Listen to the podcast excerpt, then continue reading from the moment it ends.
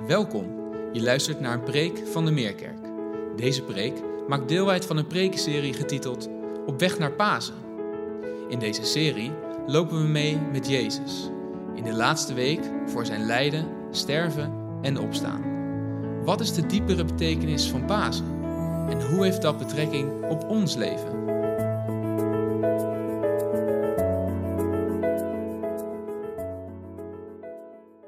Goedemorgen en we zitten in de derde preek in de prekenserie op weg naar Pasen. En geweldig om te zien hoe we met jong en oud naar Pasen toeleven. En nou ja, het verhaal werd al uh, geschetst uh, over Petrus. En nou, als ik dat dan zo lees en als, als ik dat dan zo zie, en Henrike zei het ook al net van, ja, uiteindelijk eindigt het met een open graf. We weten al hoe het afloopt. We weten al dat het goed afloopt. En soms helpt dat niet om in het verhaal te duiken, omdat je dan niet proeven hoe spannend het eigenlijk is. En zeker nu we richting de climax aan het, zijn, uh, aan het gaan zijn van het verhaal, dan is de spanning om te snijden. Jezus verraden door een kus door Judas en is gearresteerd door Romeinse officieren. En we lezen dat Petrus hen op een afstand volgde. En we willen vanochtend stilstaan bij Petrus. En we willen die spanning weer ervaren. Net als dat je misschien wel een lievelingsfilm hebt die je ook opnieuw kan kijken. En ook al weet je dat het goed afloopt, toch blijft het iedere keer weer spannend. Nou, zo is dat ook met dit verhaal. Het verhaal van Petrus. En ja, waar hij Jezus verlogent. En ik ben heel blij dat dit verhaal onderdeel uitmaakt van het evangelie. Want waar we ons soms moeilijk kunnen identificeren met Jezus zelf, zijn wijze woorden, zijn wonderdaden. Zo goddelijk als dat hij is, is er gelukkig ook een Petrus waar ik mij persoonlijk veel meer mee kan identificeren. Zo menselijk, zo, ja, zo, zo koppig af en toe. Allemaal dingen die wij zelf als mensen kunnen herkennen. En we lazen het, hij maakt een belofte aan Jezus dat hij hem bij zou staan tot het bittere eind. Om vervolgens die belofte in het heet van de strijd toch ook te breken. Nou, het is dat woord, belofte, waar ik vanochtend bij stil wil staan. Dat wordt de invalshoek waarin we naar dit verhaal zullen gaan kijken vanochtend. En dan wil ik bij drie punten stilstaan. Ten eerste de belofte die Petrus maakt. Ten tweede de belofte die Petrus breekt. En als laatste de belofte die Petrus uiteindelijk geneest. Nou, het eerste punt, de belofte die Petrus maakt. En uh, nee, dat, dat, hebben we niet gelezen net en dat is toch wel belangrijk voor het verhaal, dus daarom wil ik dat met jullie lezen. Dan gaan we een aantal versen terug, vanaf vers um, ehm, 31, Lucas 22, MBV. En daar zegt Jezus het volgende, het is het ze zitten aan, aan tafel en op een gegeven moment spreekt Jezus Simon Petrus direct aan. En dan zegt hij, Simon, Simon, weet dat Satan jullie voor zich heeft opgeëist om jullie als graan te mogen zeven. Maar ik heb voor je gebeden, opdat je geloof niet zou bezwijken. En als jij eenmaal tot inkeer bent gekomen, moet jij je broeder sterken.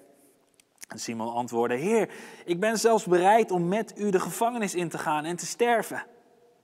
Maar Jezus zei: Ik zeg je, Petrus, deze nacht zal de haan niet kraaien voordat je driemaal gelogend hebt dat je mij kent.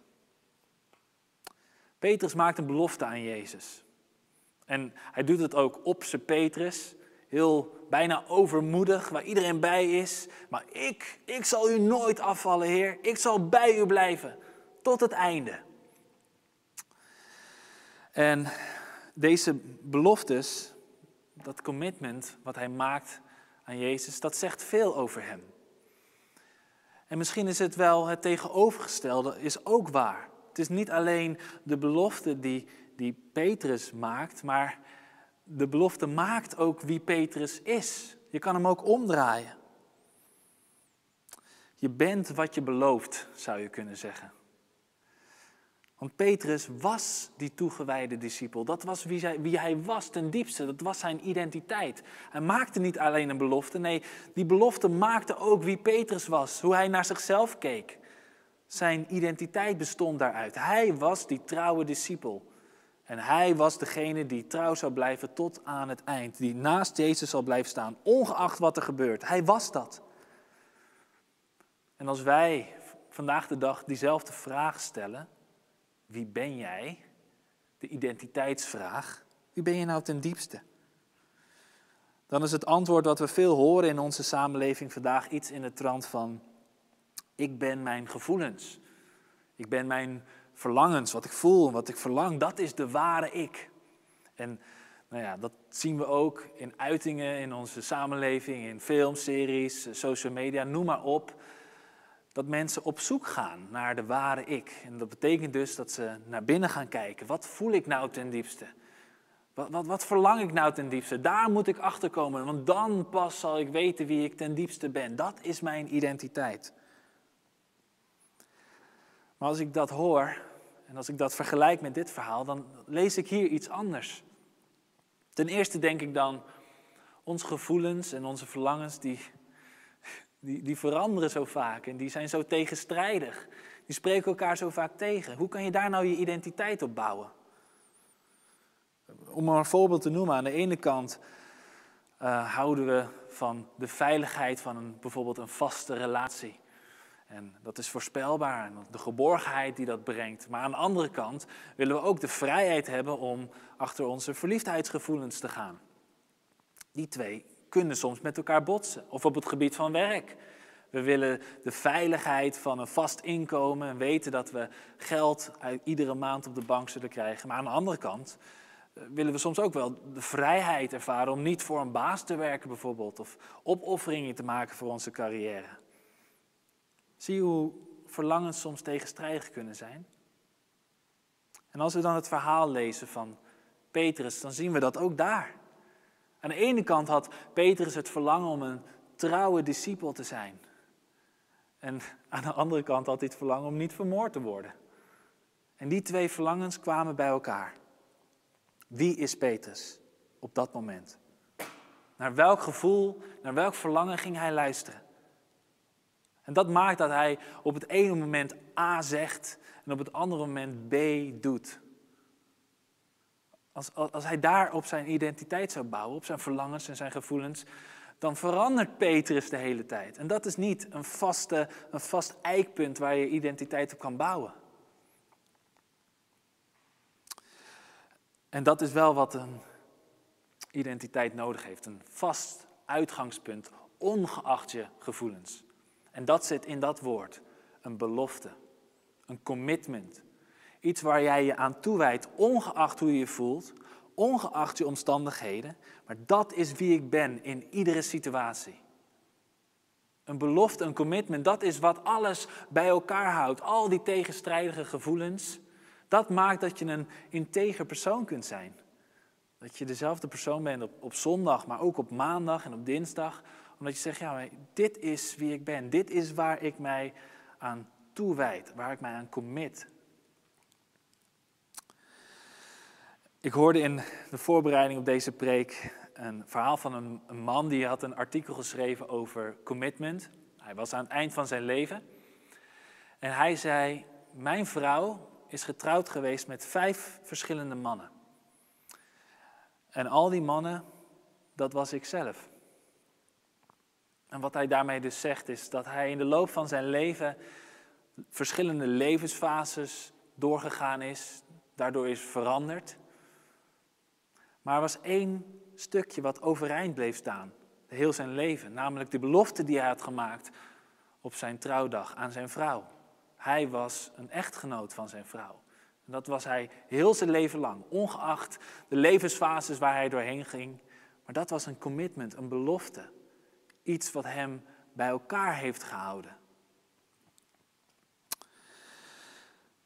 En dat is dus het eerste punt, de belofte die Petrus maakt. En dan is de vraag, wat is het onderwerp en wat is het leidend voorwerp? Ja, Petrus maakt een belofte, maar misschien is andersom wel veel meer waar. Het is de belofte die Petrus maakt tot wie hij is. En dat geldt ook voor het tweede punt, de belofte die Petrus breekt. Ook in deze zin is Petrus het onderwerp, want hij breekt zijn belofte, hij verloochent Jezus. Maar misschien gaat het nog dieper dan dat. Want misschien wordt door deze gebroken belofte Petrus zelf ook gebroken. De belofte breekt Petrus en dat lezen we ook in vers 62.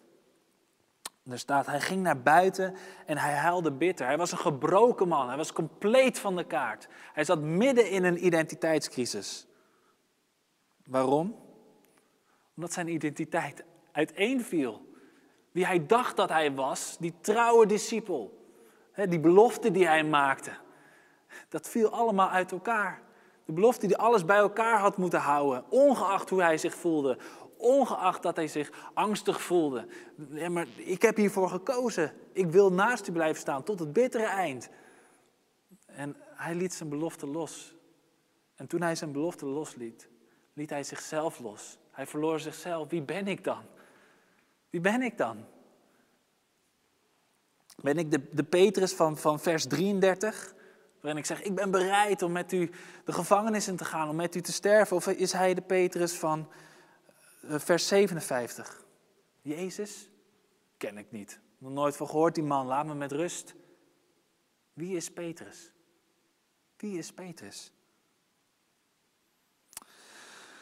En wanneer je dus een belofte breekt, dan, dan verlies je een stukje van je identiteit. Maar dat niet alleen. Eh, het is ook dat andere mensen niet meer weten wie jij bent. Andere mensen verliezen ook het vertrouwen in jou. daarom lezen we ook in vers 62, hij ging naar buiten en huilde bitter. En ik denk niet dat dat er voor niets staat, dat hij naar buiten ging. Want wat doen we op het moment dat we, dat we onze beloftes niet nakomen? Dan schamen we ons. Dan zonderen we ons af. Dan, willen we niet dat iemand ons kan, ons kan zien. En waarom niet? Want onze beloftes, onze commitments, die, die zijn fundamenteel voor onze relaties. Ik kan me zo goed voorstellen dat Petrus had gedacht, hoe kan ik Jezus ooit nog onder ogen zien na wat ik hem heb aangedaan? Ik heb zijn vertrouwen volledig, volledig uh, teniet gedaan. Ik verdien zijn vertrouwen niet meer. Ik kan hem niet meer onder ogen komen. Zo zijn onze beloftes en onze commitments, onze toewijding zo belangrijk in de relaties die we hebben. Denk alleen al aan uh, een, een, een, gezin. Als je een gezin wil starten, ja, wat een toewijding. En ik hoop dat je het samen met iemand anders mag doen aan wie je toegewijd bent. En vervolgens zeg je, ik, ik, ik committeer me aan, aan dit kind voor 18 jaar lang, ongeacht hoe ik me voel ongeacht of hij dankbaar is voor wat ik doe of niet. Nee, ik, ik, ik, ga helemaal voor dit kind. Ik leg een stukje van mijn eigen geluk en wat ik wel, mijn eigen verlangens leg ik opzij, omdat ik een belofte maak. Ik zal voor dit kind zorgen totdat hij op zijn eigen benen kan staan. Ja, dat hebben we nodig. Anders hebben we geen relaties, anders hebben we geen samenleving als we niet van elkaar op aan kunnen. En gelukkig houden we veel van onze beloftes aan elkaar. Maar zo zie je ook dat beloftes de potentie hebben voor geweldige relaties. En voor een geweldig gevoel van identiteit. Dit is wie ik ben. Maar dat het ook de potentie heeft wanneer we de belofte verbreken.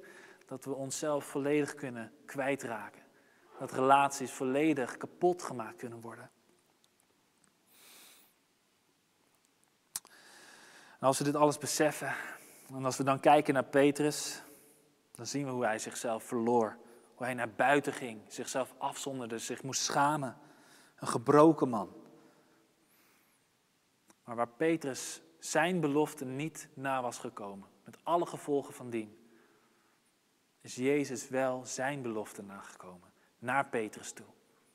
En het was uiteindelijk die belofte die genezing kon brengen voor Petrus, die het kon herstellen wat kapot was gemaakt toen hij zijn belofte verbrak.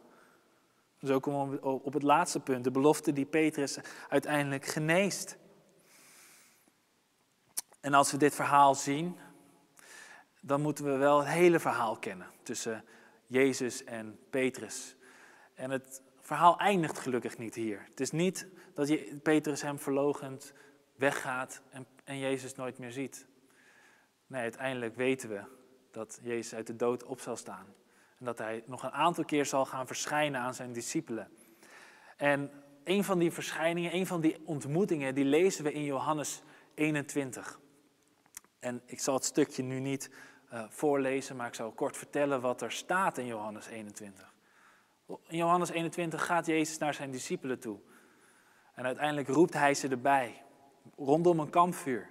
En moet je nagaan, de laatste keer dat Petrus rondom een kampvuur zat, verloochende hij Jezus drie keer. Maar dit keer gebeurde iets anders rondom het vuur. Zijn discipelen kwamen en Jezus die, die sprak Simon Petrus aan. En die vroeg hem een vraag. En niet één keer, maar drie keer. Drie keer vroeg hij de vraag: Petrus, heb je mij lief? En het antwoord van Petrus was: Ja, u weet dat ik van u hou. Vroeg het nog een keer: Petrus, heb je mij lief? Ja, Heer, u weet dat ik van u hou. En dan nog een keer: Petrus, heb je mij lief? Ja, Heer, u weet alles. U weet toch dat ik van u hou. Zie je wat hier gebeurt? Waar Petrus drie keer Jezus had verlogend, kreeg hij nu drie keer de kans om vergeving te ontvangen. Om drie keer de kans om het recht te zetten wat hij uh, fout had gedaan. Dat hij zijn nee, Heer, ik ken u niet, kon inwisselen voor ja, Heer, ik hou van u. Dit was het moment dat het hart van Jezus, uh, het hart van Petrus genas. En uh, na ieder antwoord, als, als Petrus zegt, ja, u weet dat ik van u hou, geeft Jezus een opdracht mee. Drie keer. Hij zegt, hoed mijn schapen, wijd mijn lammeren. Oftewel, Petrus, jij, wil jij de leider worden van mijn kerk? Wat? Hoe kan, Petrus, hoe kan Jezus aan Petrus vragen om zijn kerk te leiden? Na alles wat hij heeft gedaan. Als hij al zo heeft bewezen dat Petrus niet geschikt is om een kerk te leiden. Waarom vraagt Jezus aan Petrus om dat te doen? En het antwoord is, hij kwam tot inkeer. Hij kwam tot inkeer. Hij zag het opeens. Oh, het is niet mijn belofte, het is niet mijn toewijding die ertoe doet voor Jezus. Nee, het is de belofte van Jezus en de toewijding van Hem aan mij die ertoe doet. Hij kwam tot inkeer. Hij ging dat zien, wat dat betekent. En dat had Jezus al beloofd. Dat had Jezus al voorspeld. En dat, dat, dat lezen we ook als uh, in, in, uh, in vers 61. Dat de Heer zich omdraaide en dat hij Petrus aankeek. En dat Petrus op dat moment, nadat hij drie keer Jezus had verlogend, herinnerde hij de woorden van Jezus. Oh, Jezus had voorspeld dat ik hem drie keer zou verlogenen. Maar dat was niet het enige wat Jezus had gezegd. Dat was niet het enige wat Jezus had voorspeld. Want we lezen ook dat uh, in, in vers 32 dat Jezus zegt: Ik heb voor je gebeden opdat je geloof niet zou bezwijken. En als je eenmaal tot inkeer bent gekomen, moet jij je broeder sterken. Oftewel, Jezus wist al dat Petrus tot inkeer ging komen. Sterker nog, ik geloof dat, dat Jezus wist dat Petrus tot inkeer moest komen. Er moest iets veranderen in zijn hart. Want toen hij hier de belofte maakte aan Jezus, dacht hij het van zichzelf te verwachten. Ik ga het wel doen. Ik beloof aan, aan Jezus dat ik bij hem zal zijn. Mijn toewijding, ik ga het waarmaken. En hij is tot inkeer gekomen dat het zo niet zit. Dat hij het niet waar gaat maken. Nee, dat Jezus het waar heeft gemaakt. Jezus is zijn belofte nagekomen. En over welke belofte hebben we het dan? Het is de belofte die door de heel de Bijbel al voorspeld wordt over wat God gaat doen om ons vrij te maken van onze zonden. En op het moment dat Petrus oog in oog staat met Jezus en hij zich die woorden herinnerde, op dat moment aanschouwt hij de climax, niet alleen van het evangelie, de climax van heel de Bijbel. Want kijk, wat er door heel de Bijbel heen zien we dat als jij toegewijd bent aan God, dat God je zal zegenen. Dat God bij je zal zijn. Behalve deze ene keer. Hier, hier is iets anders aan de hand. Hier zegt Jezus in het hof van Gethsemane, ik wil u toegewijd zijn. Oké, en wat zegt God dan? En dat is nog nooit eerder gebeurd en zal ook nooit meer gaan gebeuren. Als jij mij toegewijd bent, zal ik niet bij je zijn, nee, zal ik je verlaten. Als jij mij toegewijd bent, zal ik je niet zegenen, nee, zal ik je vervloeken. Dat is wat God de Vader zegt tegen Jezus. En Jezus, de Zoon van God, hij wist waar hij, waarvoor hij naar de aarde is gekomen. Hij, hij had het doel voor ogen. Maar tegelijkertijd was hij ook een mens. En werd hij, werd hij door angst bevangen. En hij zweette bloeddruppels. Zo angstig was hij. Aan de ene kant zien we ook twee verlangens bij Jezus. Aan de ene kant wil hij, laat deze beker, Heer, alstublieft aan mij voorbij gaan. Dat is zijn menselijke kant. Hij is bang, hij wil het niet. Maar hij had ook een commitment die hij maakte. Zeg van, maar u wil geschieden, niet die van mij. Hij had een belofte, hij had een commitment die Jezus bij elkaar hield. En hij hield vol, waar Petrus losliet, hield hij vol. En het tegenstrijdig is, het paradoxale is, dat juist omdat Jezus zijn belofte houdt, wordt hij behandeld als iemand die zijn belofte volledig heeft verbroken. Hij krijgt de straf die Petrus had moeten krijgen. Petrus had Jezus, had God verlogend. Hij had die straf moeten krijgen. Maar hij krijgt die straf niet. En degene die trouw is, die toegewijd is, die zijn belofte wel nakomt, Jezus Christus, die krijgt de straf. Als iemand die zijn belofte breekt. Zie je hoe wonderschoon, hoe wonderschoon het evangelie van Jezus is. En dat is wat het betekent om tot inkeer te komen. Als je dat gaat zien. En dit idee van een plaatsvervanger is helemaal niet nieuw in de Bijbel. Dat lezen we in, in Leviticus 16 als de grote verzoendag wordt beschreven. De grote verzoendag is wat het volk van Israël ieder jaar vierde. En wat ze dan deden is, ze pakten een bokje erbij en alle zondes van het volk, alle beloftes die het volk verbroken was, het verbond wat ze hadden gesloten, het volk van Israël met God, al hun zonde werd door de priester op een bokje gelegd, als het ware, door handoplegging. En wat gebeurde er met dat bokje? Dat bokje werd behandeld als iemand die het verbond verbroken had. En wat gebeurt er met iemand die het verbond verbreekt? Die wordt naar buiten gestuurd, de wildernis in, om in eenzaamheid te sterven.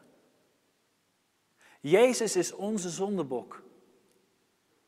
Hij werd verlaten door God.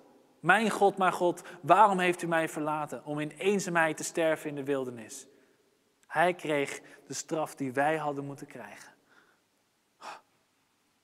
Zie je dat? Dat is wat Peter zag. Toen hij oog in oog stond met Jezus, die zijn belofte waar aan het maken was. De identiteit van een christen ligt niet in je eigen toewijding, ligt in zijn toewijding voor jou, niet aan jouw toewijding voor hem. En toen Jezus vervolgens die opdracht gaf aan Petrus: Petrus, wil jij mijn kerk leiden? Daarbij vertelt hij ook aan Petrus: Het zal uiteindelijk ook je leven kosten. Je zult uiteindelijk ook gaan sterven als jij ja zegt, als jij je nog een keer commit aan mij. Wat maakt dat Petrus nu denkt, nu ga ik het wel volhouden. Waar, waar hij eerst al zijn belofte verbroken had. En het zou zijn leven gaan kosten, maar nu krijgt hij nog een keer de opdracht. Waarom denkt hij, waarom gaat hij nu de opdracht, eh, gaat hij zich nog een keer toewijden aan Jezus op die manier? Omdat zijn hart veranderd was. Omdat hij tot één keer gekomen was. Zijn motivatie om Jezus te volgen was veranderd. Hij dacht het niet meer uit zichzelf te doen. De prestatiedruk was er als het ware af. Het hing niet meer af van hem. God houdt niet van je omdat jij je beloftes aan hem nakomt. Nee, hij kwam zijn beloftes na aan jou, omdat hij van jou houdt. En dat is het tegenstrijdige. Dat is het paradoxale van het evangelie. Dat de mensen die het best hun beloftes aan God nakomen, dat zijn de mensen die weten dat ze dat eigenlijk niet kunnen. Mensen die weten dat ze zullen falen in hun toewijding aan God. Dat ze God uiteindelijk zullen teleurstellen. Maar ook mensen die weten dat ze uiteindelijk vergeving zullen ontvangen voor hun falen en hun fouten. Dat, die combinatie van falen en van verootmoediging, dat leidt tot zoveel goede dingen. Dat leidt tot verootmoediging, dat leidt tot nederigheid. Dat leidt tot dankbaarheid, tot liefde voor Christus. Tot het verlangen om Hem te willen dienen en Hem toegewijd te zijn. Omdat Hij zoveel meer toegewijd is geweest aan jou. Dat is de diepste identiteit die een christen heeft.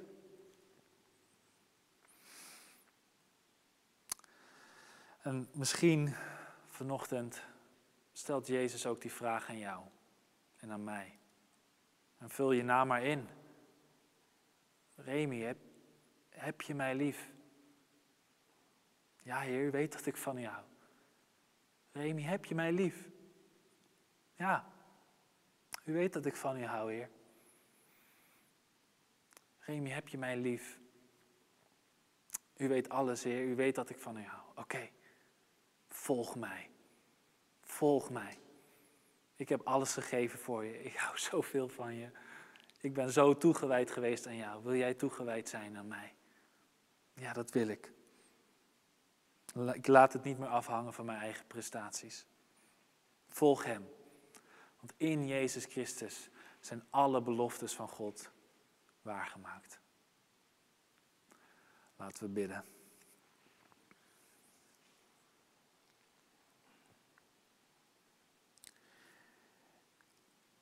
Heer, we houden van U. Het is die liefde wat de reactie is van uw liefde aan ons. En het is die liefde voor u die, die ons kan genezen van binnenuit.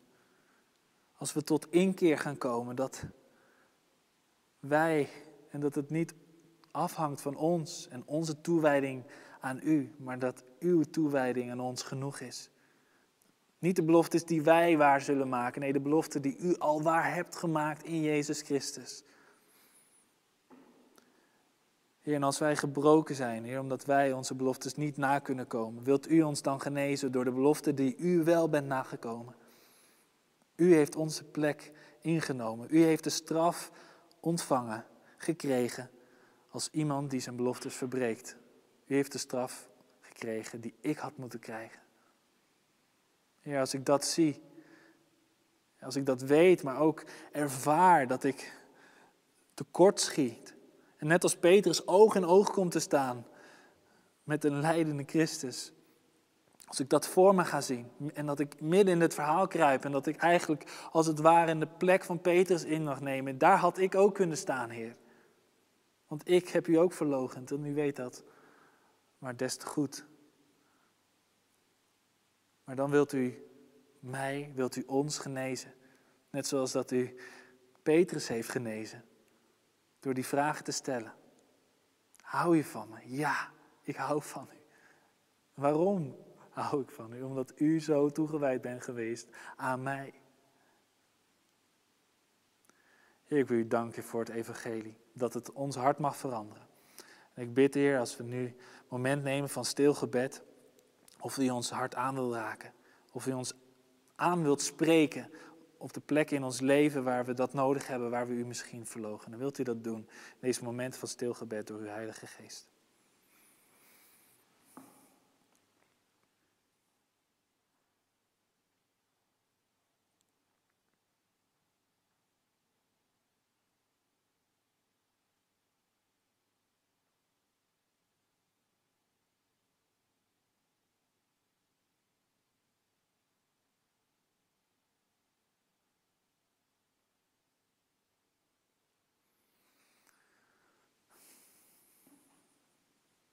Ja, Heer, u weet alles. U weet dat ik van u hou. U houdt van mij. U houdt van ons. Wat een wonder. We prijzen uw naam, Jezus Christus. En we bidden dat in die machtige naam. Amen. Fijn dat je hebt geluisterd. Voor meer informatie ga naar www.meerkerk.nl.